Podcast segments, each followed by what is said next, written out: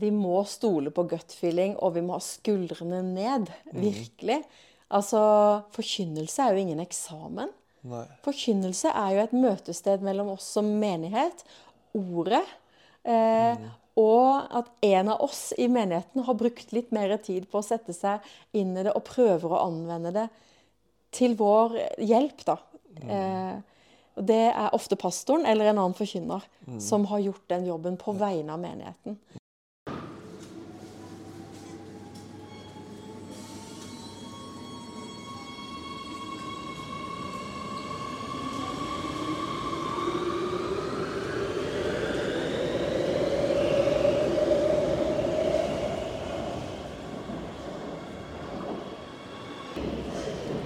Dette er Pastorpodden, en podkast fra Frikirken. og Jeg heter Jostein Ørum, og nå er jeg på T-banen i Oslo for å finne riktig linje, linje 5, opp til Groruddalen for å møte Anne Mari Skiager Toppland. Er synodelestleder i Frikirken, og vi skal snakke om forkynnelse. Dørene lukkes.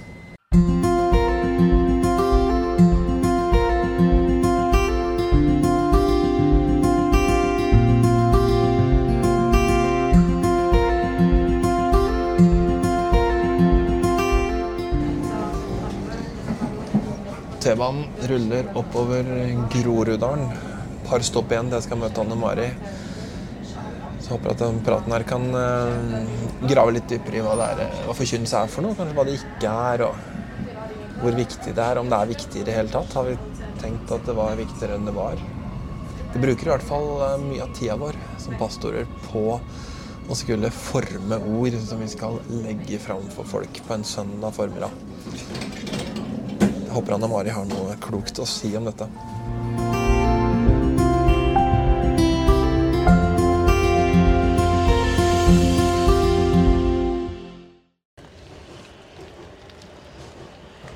Hei, Anne Mari. Hei, Jostein. Velkommen til Grorud Du, takk. og Ammerud. jeg er ikke så kjent her.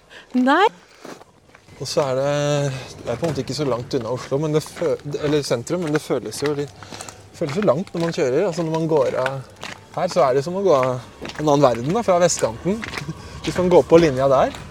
Mye som er annerledes.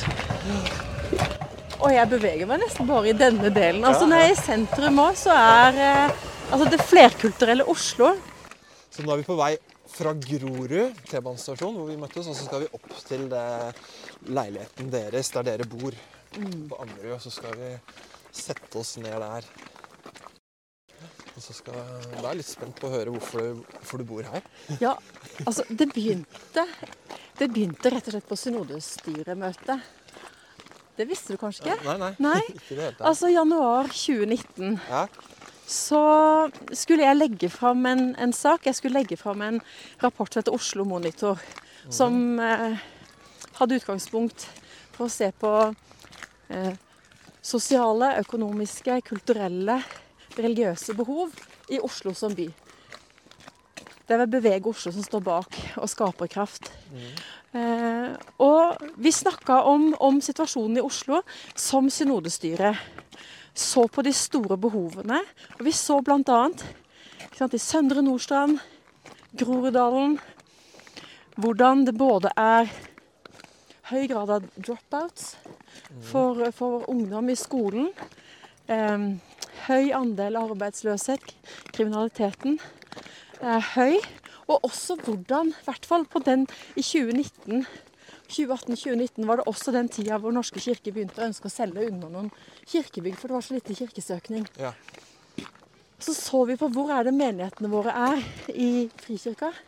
At de er stort sett i sentrumskjerna og Søndre Nordstrand. Mm.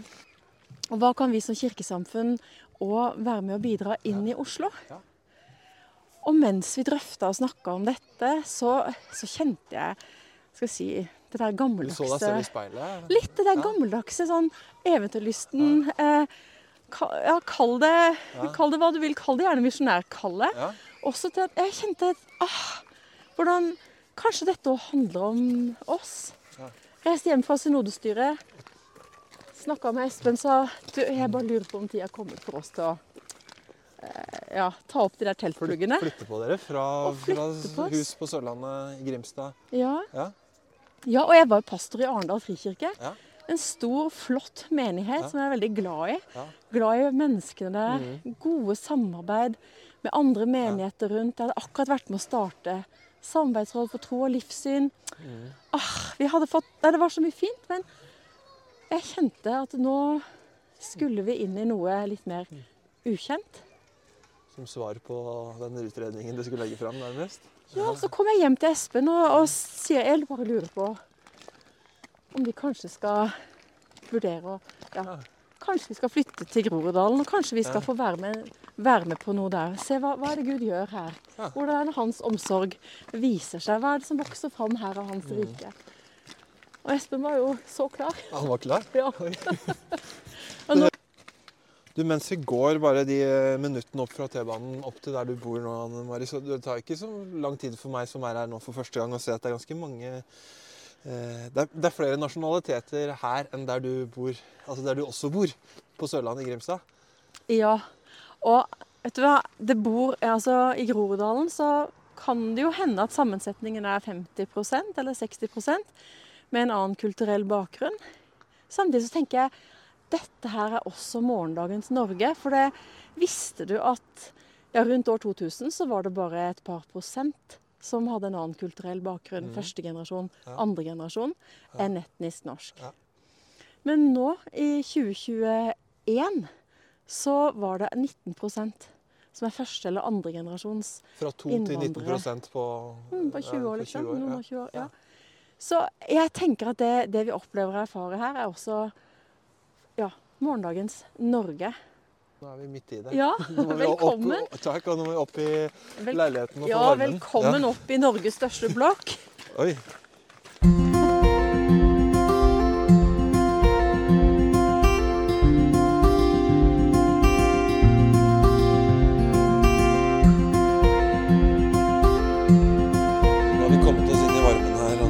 Norges største blokk, oppe i sjette etasje. Gjennom alle luktene av forskjellige krydder som ikke jeg klarte å plassere helt i heisen. Og så er det til og med skogen utafor vinduet. Lillomarka, vet du. Lillomarka, ja. Eh, og så er det jo dette en eh, pastorpod, og vi skal snakke om forkynnelse i dag. Vi kommer dit snart. Men eh, du er også pastor, Anne Mari, men du har ikke alltid vært det. Kan du si litt om hva som fikk deg over i hvorfor du nå har den tittelen? Altså, eh, Hva har drevet deg dit? Ja, hva har drevet meg dit? Jeg vokste opp i et hjem som har vært veldig altså glad, i, glad i kirka, og vært eh, store bidragsytere i kirka. Mamma og pappa har vært ledere i ulike sammenhenger. Vi hadde et åpent og gjestfritt hjem. Jeg opplevde at troen den levde like mye hjemme som den levde i kirka. Og så er jeg vokst opp med, ikke sant, med pappa var eldste, begge bestefedrene mine var eldste, oldefar var eldste. Eh, og jeg vokste opp med den Det var barn, så husker jeg den rekka av, av menn kledd Ja. i svarte dresser under nattverdsgudstjenesten. Så det var jo aldri noen option for meg å tenke pastortjeneste, for det, det lå jo ikke korta i Frikirka. Men, eh, men jeg hadde tidlig en sånn Men kjente du at eh, du, du ville gjerne gjort det? Mm, Hadde det ikke vært for dette gjerdet som sto imellom? Eller var det ikke der engang? Jeg var ikke, jeg tenkte Nei. ikke på det, men jeg, men jeg, jeg var eh, tidlig bevisst på og forsto at jeg skulle ut i misjonærtjeneste. Mm. Eh, og gjennom tidlig tenåra, ikke sant. Altså eh, aktiv i laget. Eh, reiste på evangeliseringsteam i, i Landsmisjonens regi til Finnmark og til Meløy. Eh, var med Randesund frikirke, til Kina på team da jeg var 19. Var i Japan i mange år sammen med mannen min. Hvor som- år ble det i Japan? Jeg var i ni år og han i ti år. Ja. Eh, hvor vi var menighetsplantere i, i den japanske kirka. Så barna deres er født i Japan? Alle tre er Alle født tre, i ja. Japan. Og eldste var nesten sju da vi flytta til Norge. Eh, og vi Jeg har alltid i åra etterpå også, altså forkynner på landsbasis i Frikirka ett år, besøkte 28 av menighetene våre. Og så møtte jeg deg på bibelskolen i Grimstad. Ja, vi har jo en fortid der. Ja. Vi begynte der det samme Ja. året. Så du, Underveis i løpet av de ti åra der så eh, ble jeg spurt om å, å være en av liturgene som fast skulle lede morgenmessene. Husker du de nydelige morgenene vi en gang i uka? Hver onsdag morgen. Ja. Ja. Og det var et sånn viktig, sånn viktig punkt i uka for meg å komme dit, knele ned, både bekjenne synd, ta imot tilgivelse, få søndagens eh, ord forkynt og motta nattvær Mm. skulder ved skulder med studentene. Og så var det, var det Nattvær og skriftemål hver onsdag, egentlig. Ja, det var Det, Det var heftig, fint. Heftig, og så skjønte etter hvert For hver onsdag som gikk, tenkte jeg oi, så fint dette var. Ja, det var veldig fint. Mm. Men eh, da, da rektor spurte om jeg kunne være liturg, så sa jeg det må du sjekke med biskopen, for det, jeg er ikke ordinert. Og, eh, og fikk lov av biskopen til å, å forrette på morgenmessene. Og når jeg hadde gjort det noen eh, måneder, så sa jeg òg til, eh, til rektor at vet du, det er farlig å gjøre dette. eh, Og be meg om å gjøre dette, for det, dette kjenner jeg rocker ved hos meg. Eh, Det, ja, jeg, og og jeg, jeg kjente en lyst og en dragning mot å bli prest. Ja. Eller pastor. Altså ved å utøve den Ja, vi- Via på en måte det Liturgi. liturgiske, da. Ja. ja og finne deg selv i det. Ja. Ja, og oppleve også det der Altså gjennom nattverden. Det er jo Gud som handler. Det er Jesus som gir sitt brød Altså sin, sitt, sin kropp og sitt blod. Eh, men det å få lov å stå i det som og være med å formidle det videre, var utrolig fint. For de andre delene av, kirkelivet har jeg jo deltatt i hele veien. ikke sant? Jeg har forkynt hele veien. eh, Leda. eh, Delt tro. Trent ledere. Ja. Disippelgjort. Multiplisert. ikke sant? Alle disse tingene. Men, men også det å oppleve denne, denne delen som handler om, om nattverdsfellesskapet, ble veldig fint, syns jeg. Mm, så det, det vektes et slags eh, en lyst da, Ja. til å gå inn i en sånn pastoral tjeneste. Mm. Ja. Og da Arendal frikirke søkte etter ny pastor da, det, ja, det, det var ganske sånn sterkt for meg bare, bare å lese um, søk, Altså lese Utlysningen. utlysningen og arbeide med det og, og, og be over det. Og, og i søknadsprosessen òg så, så trengte jeg å ja, virkelig spørre Gud om råd. Er det, er det Det er klart, jeg vet vi har fått en fri vilje. Det vet jeg. Så jeg, jeg tror eh, Jeg tror ikke at Gud eh, eh, gir oss bare skritt for skritt, og så må vi gå akkurat der. Jeg tror eh, vi, vi kan være utrusta til mange typer og tjenester og type yrker. Men jeg trengte å be Gud om råd. Er dette, en, er dette noe du ønsker å lede meg inn i? Er dette en vei jeg kan gå? Og orke å være en av de første kvinnene? Eh, altså I dette området, da, Arendal, Mm, var det jo ja. hatt eh, 140 år med menn. Så du måtte regne litt på omkostningene? Ja, virkelig. Ja. Og jeg ante ikke hvor, hvilke omkostninger det også har vært. Og, og, og måtte på en måte være den første i flere settinger. Um, jeg er glad jeg ikke visste det før jeg begynte, men, um, uh, men jeg opplevde da igjen Det er jo sånn Gud, Gud bruker Altså, jeg opplever at Gud møter meg i bibeltekstene. Eh, og, og eh, jeg leste den, uh, den planen som jeg da for den, den tida pleide å lese, og var kommet til siste kapittelet i Johannes evangeliet, og hvor jeg opplevde at, eh, at mitt spørsmål da til um, Mitt spørsmål til Gud er dette noe du, kan, er det dette noe du leder meg inn i. Eh, så kommer spørsmålet til Peter eh, Elsker du meg? Ja. Eh, og jeg opplevde den, den ja, Jesu kjærlighetserklæring til meg. Og Da var det ikke til Peter, det var til deg? da, liksom. da kjente jeg det Ja. var til meg. Og at hans, um, at hans spørsmål inn i dette her er jo uh, Er det meg du har en relasjon til og vil være hos? Er det meg du har kjær? Eh, er, og jeg visste jo at han elsker meg. Uh, og så, i den stille stunden også å jeg er sånn jeg, har still, altså jeg leser bare litt, og så dveler jeg over det. Så lever jeg i det. Og så leser jeg kanskje noen setninger til. Og jeg, jeg visste jo hva som kom etterpå. Eh, før mine lam. Og jeg opplevde en sånn eh, Jeg opplevde det veldig fint å, å, å da bli på en måte invitert inn i at noe av det å følge Jesus for min del òg handler om å fø hans lam, lede hans sauer, fø hans sauer. Og det, Og så starter det med den relasjonen først, og så ja. kan du gi mat videre. Så da kjente jeg meg trygg nok på å si ja. ja. Ja.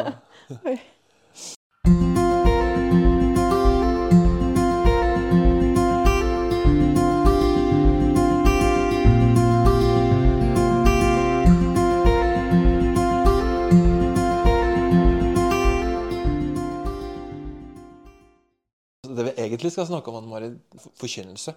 For det er jo noe som pastor som er noe av det i hvert fall veldig mange pastorer tror jeg bruker mest tid på. Eller bruker mye tid og kanskje prestisje, eh, energi, bekymringer og sånn på. Tror du det er riktig? Jeg er usikker. Ja? Altså, jeg vet, jeg vet selv. Det, går, det går gjerne hvis jeg, hvis jeg plusser på. Altså de, eh, alle de ulike små stundene og den lengre stunden som jeg jobber med Ja. en preken, så er det fort eh, Det kan bli fem timer. ja. For en jeg håper, Er det veldig uvanlig, eller er det Nei, jeg, jeg, jeg, jeg veit ikke. Nei. nei. Noen ganger kortere. Ja. eh, men så, så ja, tidsmessig. Men du vet, en frikirkepastors full, altså arbeidsuke på, på en del timer, Ja. Så er det stor andel som går til administrasjon. Ja. Eh, mye større enn det som går til forkynnelsen. Mm, hvis du legger sammen, Hvis du legger alle, alle e-poster Ja. og ja. Ja, ikke sant? I løpet av en uke. ja. Men for min del, så Ja, nå kom du jo inn i mitt rot. Der ligger liksom mine begynnende forberedelser rett bak deg. Ja, på, utover eh, Jeg lukka sammen. PC-en. Her ligger eh, bibler og kommentarer og forskjellig. Ja. Ja, egentlig ikke noen kommentarer der, men, mm. men eh, litt om fastetida Ja. og ikke sant, Peter Haldorf som skriver. Og, Men for min del så begynner jo alltid en eh, prekenforberedelse eh, første, første dagen i uka, altså arbeidsuka, med at jeg bare leser teksten eller tekstene. Mm. Eh, er stille rundt dem. Ja. Eh, bare møter de som, som Anne Mari, og Mm. ikke som pastor, egentlig først og fremst.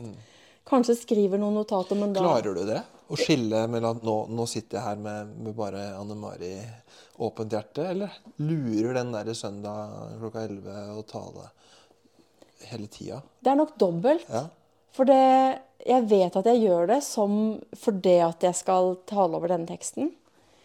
Samtidig så, så møter, jeg, møter jeg teksten og lar den møte meg.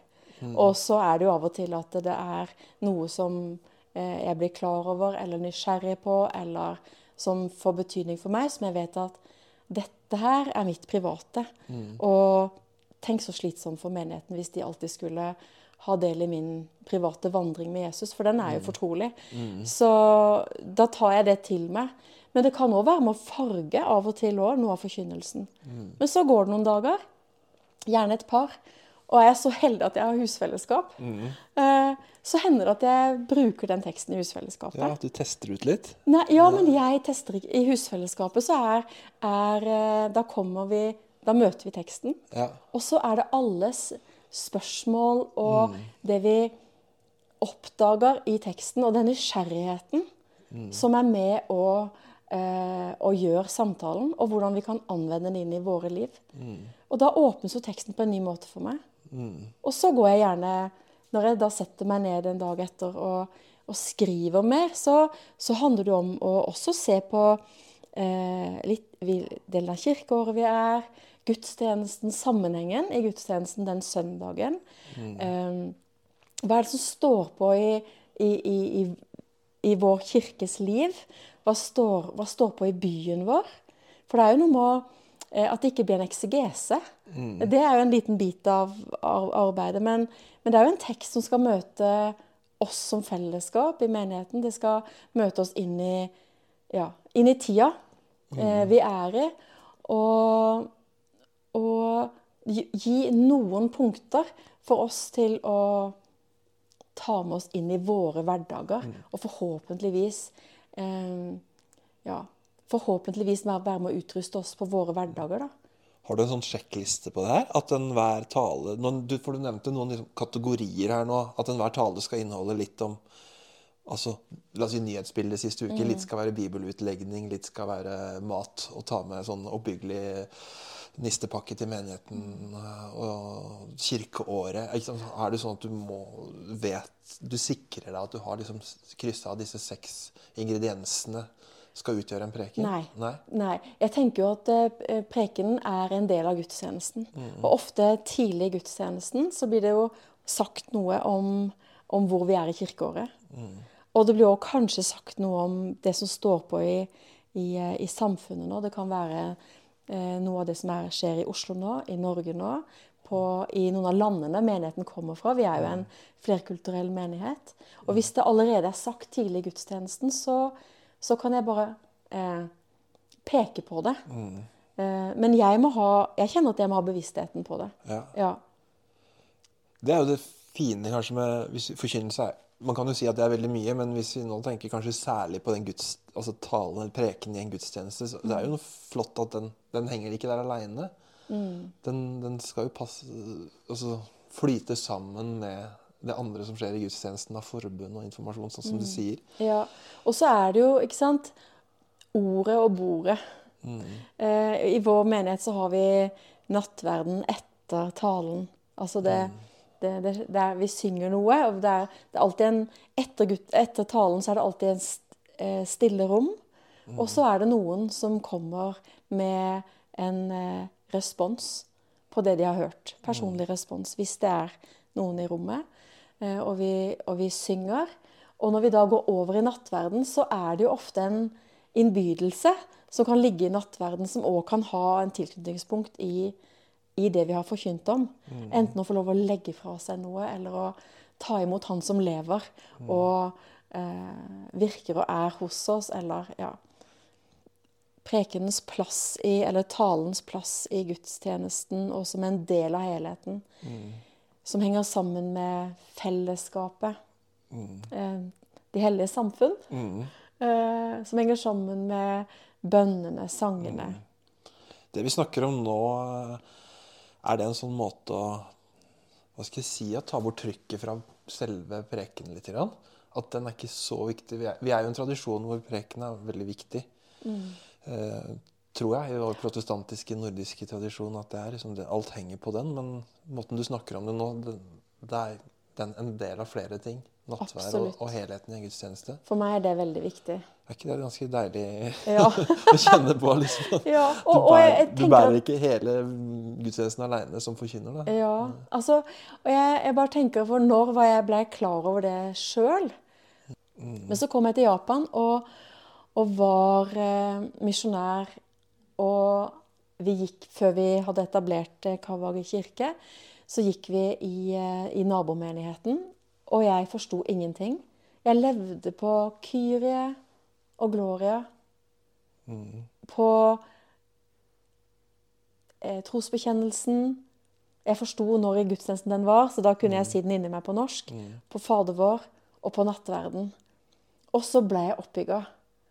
Og så hadde vi jo selvfølgelig Vi leste hjemme, Espen og jeg, og, og sånn, men jeg forsto jo ikke den japanske preken før det gikk ganske mange år. Og da, da jeg sjøl òg ble pastor, så hadde jeg òg veldig sånn skuldrene nede på det at forkynnelsen henger sammen med helheten. Er du klar for et litt vanskelig spørsmål, Anne Mari? Eh, Hva er forkynnelse i gudstjenesten?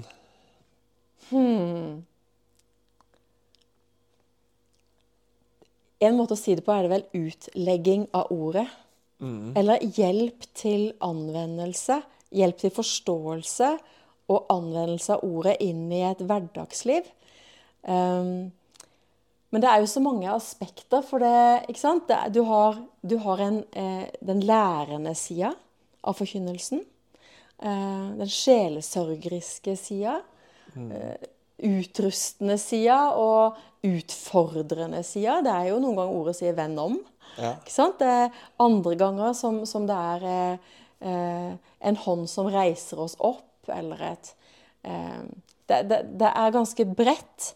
Eh, bredt fokus. Og kanskje for forkynneren, da, så er det et fokus på å ikke alltid skulle ha bredden med i hver eneste tale. Nei. Men i løpet av, eh, i løpet av en sesong eller en, et år å, forstå eh, kanskje sin egen styrke og sin egen eh, eh, svakhet.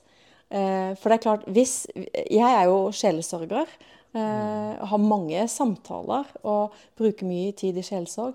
Men så utrolig slitsomt for min menighet hvis all forkynnelse eh, skulle på en måte gå inn i en sånn sjelesørgisk eller nærmere terapeutisk retning. Det, det blir jo ikke sunt. Eh, vi må ha, det er noe med balanse og flere sider. En annen vil jo være en sterk lærer og alltid ha behov for å vise de lære, ja, poengterte læreområdene. Eh, men det kan bli jo ganske sånn smal forkynnelse. Så det å, å, å se at vi, vi trenger en bredde, og både se på seg selv som forkynner, og hva må jeg tilegne meg for å bli en bredere forkynner? Eller hvem andre må jeg forkynne sammen med? Um, Mm, for dette er interessant her, for det er jo En forkynner må jo også stole på sine styrker. Altså, det er først når man får spille ut styrkene at eh, jeg tenker kanskje at eh, det er som aller sterkest å høre på ofte. Ikke sant? Du er en sjelesørgerisk person, og du er en person folk kommer til i sjelesorg, og, og du er på en måte sterk i det rommet. Så det er jo fint hvis du tar med deg noe av det opp på talerstolen også, tenker jeg. absolutt. Men så tenker jeg det er sånn eh, at vi må vite om styrkene våre og nådegavene, hva vi har tilegna oss av erfaring, utdannelse, og bruke det. Men også å se en slagside. Ja, Eh, det tenker jeg er viktig. For det har alle. Det har alle. Mm, og det, ja, det, har- det har vi alle sammen. Alle, alle kan bli ens, ensidige Ja. forkynnere. og jeg, Paulus sa det så klokt til Efes, menigheten i Ef- Efesos. Da snakka han ikke til forkynnerne, da snakka han til lederskapet. At det, vi gjør det som Altså, dette er måten som dere skal utruste hele menigheten til å vokse. Mm. det er ved å ha ikke sant? Da setter vi noen til eh, apostler, evangelister, hyrder, lærere og profeter som skal samarbeide. Eh, Og det, jeg tenker også I forkynnelsen så skal vi vite at noe av det har et profetisk preg. Noe av det er eh, mot det å dele tro videre. Hvordan evangeliet har hast. Noe av det går over, eh, også i, i det å, å strekke seg langt for å bære over med hverandre. Og elske sin nestes kirke som sin egen, for å tenke apostolisk. Eh, hyrdeaspektet, det sjelsorgiske, læresiden. Eh, men igjen så tenker jeg ingen, ingen innehar alt i en person. Nei. Vi står i et fellesskap lærere, altså i lederskap. Og så har vi jo en menighet som er ganske bredt sammensatt. Eh, Dette med ulike trosspråk er jo en spennende ting. Altså? Noen er entusiastene. Noen er kontemplative. Noen er aktivister. Eh, det er, noen er naturelskende og møter Gud først og fremst i naturen. Og sånn kan det være mange ulike måter at vi møter Gud på. Og når jeg er klar over hvor, hvordan jeg særlig møter den tredje Gud, så går det kanskje også en aha-opplevelse overfor meg at, at det er det trosspråket jeg også fort vil overføre i min forkynnelse Ja. til min menighet. Eh, da har jeg et ansvar om å innlemme andre typer trosspråk. Mm. kanskje ved å tilegne meg noe av det selv, eller ved å invitere andre i forkynnelsen. Eller la gudstjenesten ha et bredere aspekt.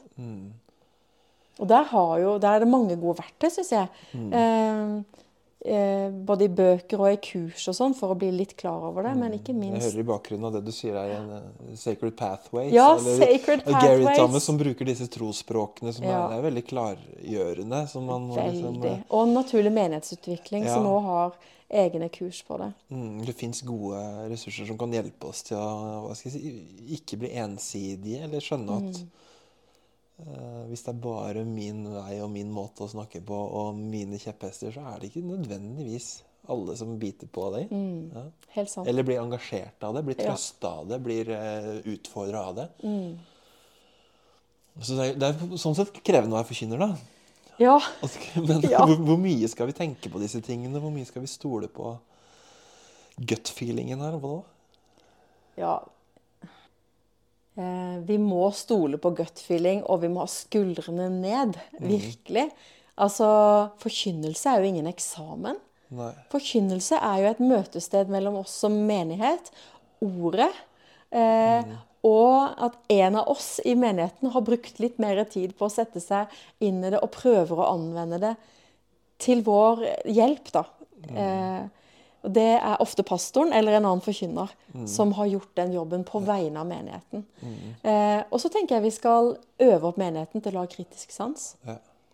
Jeg husker det snakker jeg, det snakker jeg både med konvertittene hos oss, som ikke sant, har kommet i tro med muslimsk bakgrunn. Ja. Og jeg sier når dere lytter til undervisningen jeg har, eller andre i menigheten, og det er noe dere syns er litt rart, så må dere komme og spørre.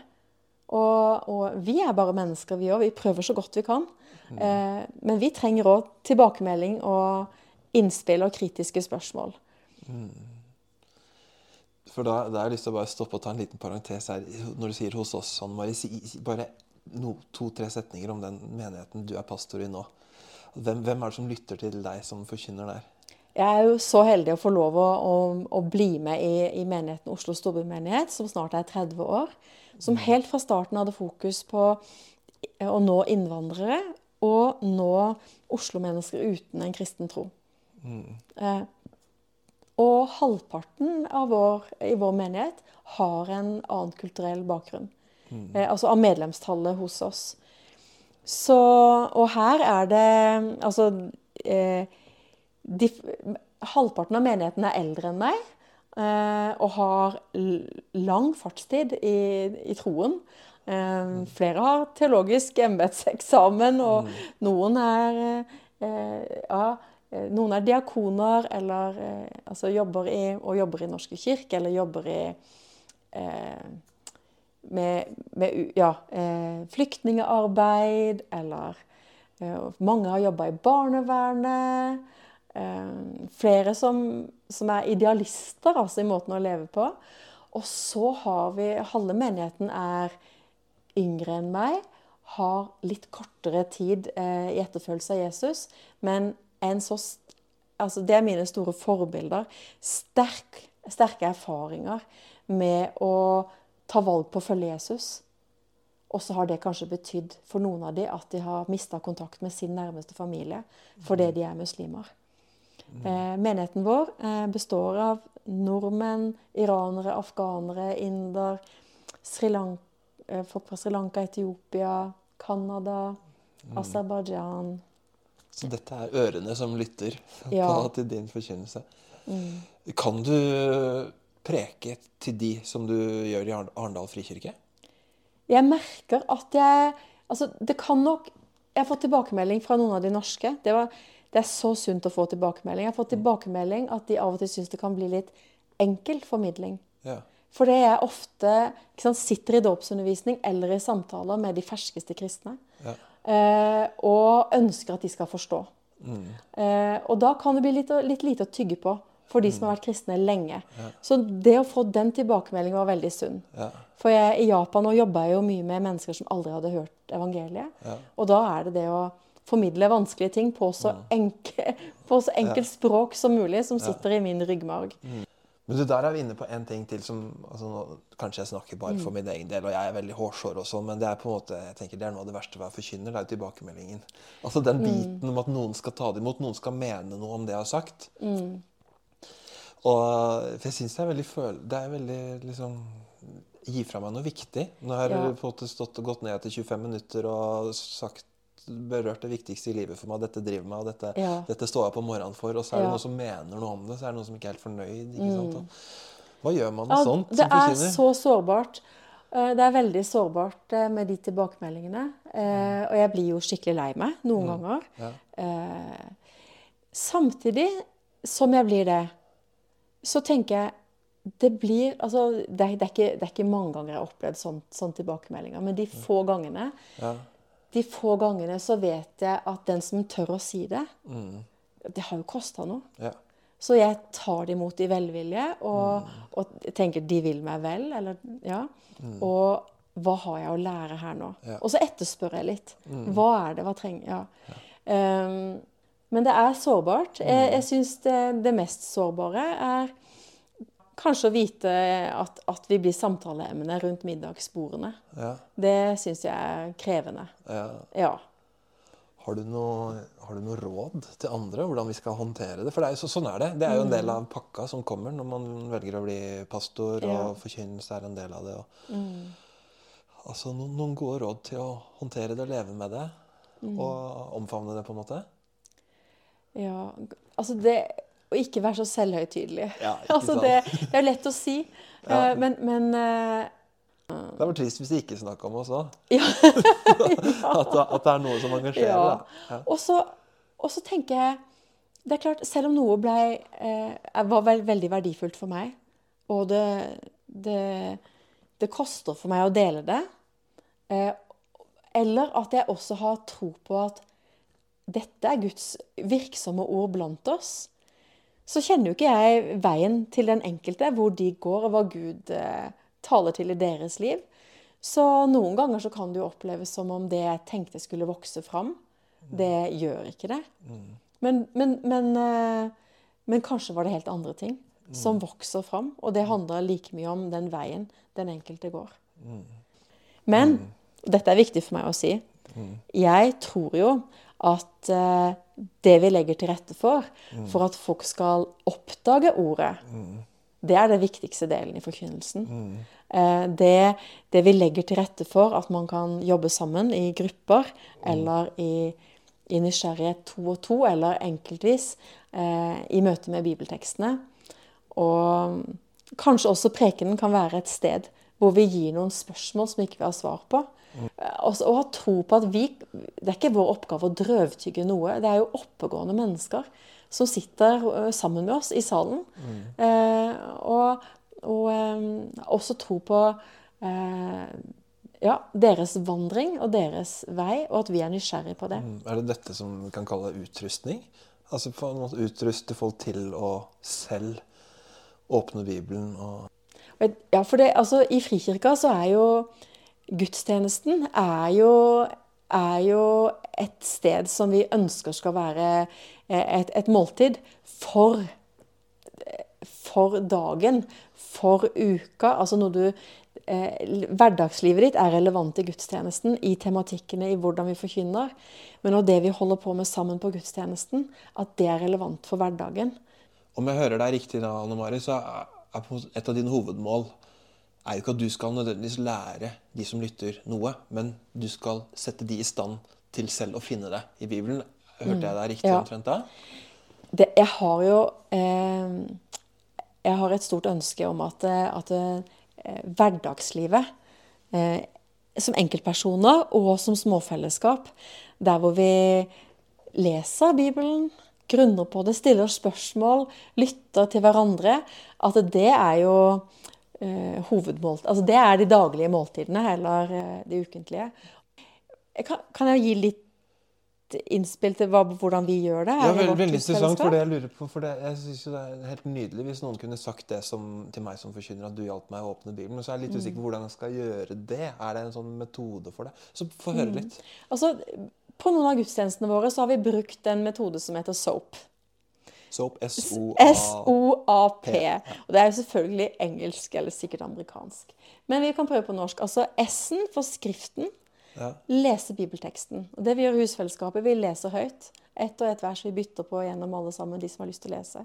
Så er vi stille rundt teksten. Og så snakker vi sammen om hva er det som står her. Hva, hva, og da går vi over på O-en, altså observere. Um, hva legger vi merke til? Eh, hva, hva betydde dette for de som opplevde det som står?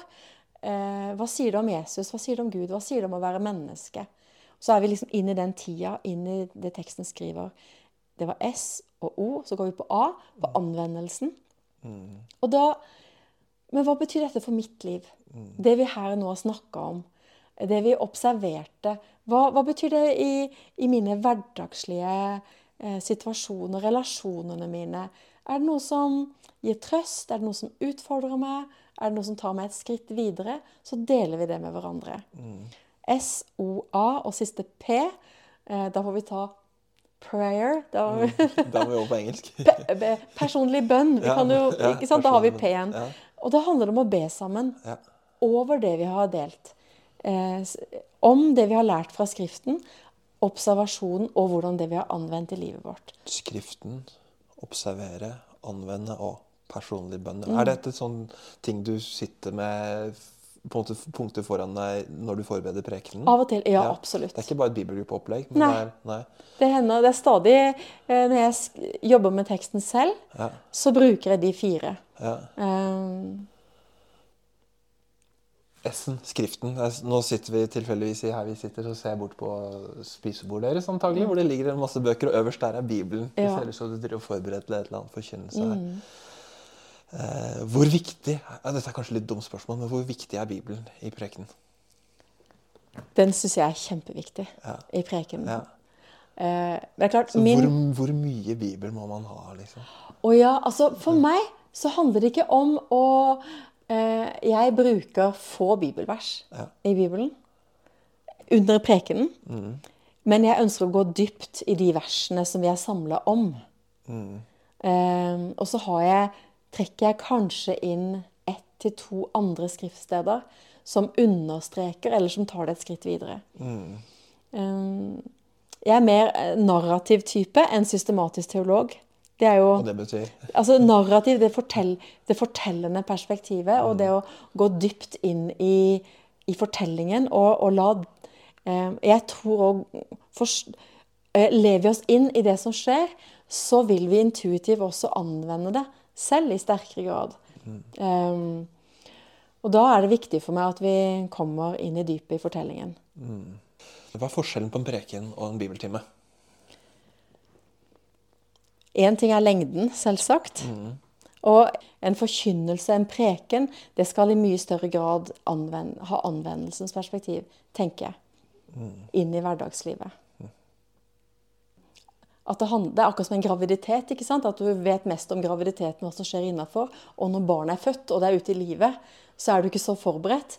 Men talen er jo ikke om forberedelsestida, hvor, hvor godt eh, jeg klarer å få presentert det. Men det handler om hvordan blir det mottatt. Hvem er tilhøreren? Hva var det de trengte å høre? Eh, Hvem er målgruppa? Og det målgruppefokuset må vi jo alltid ha. For det, det handler jo om et, på en side om et håndverk. Eh, mange av oss har eh, teologisk utdannelse, og vi har øvd oss opp. Og vi, vi jobber med, med prekenforberedelse. Søker råd og hjelp. Bruker bøker, er i stillhet. Eh, søker Gud om råd og er utrolig selvkritiske, ikke sant? Også og kutter ned på, på mengden og prøver å legge til rette sånn det skal bli forståelig. Men det er bare Gud som kan skape liv. Det er bare Gud som kan skape tro. Eh, og vi må aldri tro om oss sjøl at, at vi kan skape eller styrke eller øke troen hos mennesker. Det er Gud og Den hellige ånd som gjør det. Men vi kan være med å legge til rette for det. Det gir meg faktisk frimodighet òg, som troende, for det ligger ikke på mine skuldre. Jeg skal gjøre min del av håndverket, men det er han som kan skape det livet. Så når vi snakker om forkynnelse, så er det egentlig, vi er nødt til å si to ting samtidig og tenke to tanker samtidig. Er det ikke sånn? Vi, vi må gjøre så godt vi kan.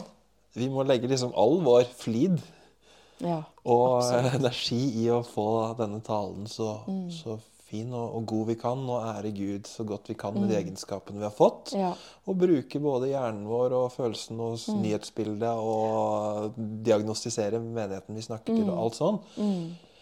Men Men heldigvis er det store mennet Ja. om at det er bare Gud som kan. Ja, på liv. Og så er det jo denne kirka. Mm. Ikke sant? En preken er en del av den store kirken og alt som ellers skjer i menigheten. Og Ja. det hviler på mange ting. Mm. Men eh, til syvende og sist på Gud, da. Mm. Og så er det jo det, Anne det er jo egentlig det er jo fint å få være en forkynner. Det gjør jo noe med oss som forkynner også. Virkelig. Ja, Kunne sitte ned og så kjempe med tekstene og ja. Og jeg tenker det, det er viktig i den, i vår, også i vår tid nå, hvor vi lar oss distrahere av, eh, av så mange pling-pling, om det er på mobil eller på data eller innkomne ja, telefoner. Det at vi skjermer den tida vi får i stillhet med ordet, både på det private rommet, men òg i forberedelsen.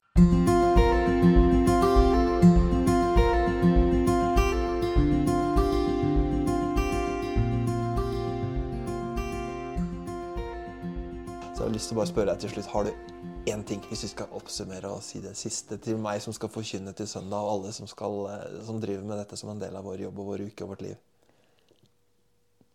Jeg har alltid en sånn eh, nysgjerrighet på og et sånt spørsmål til Gud når jeg forbereder forkynnelse. Og det er Hva er de gode nyhetene du har å gi til oss som skal samles nå på søndag?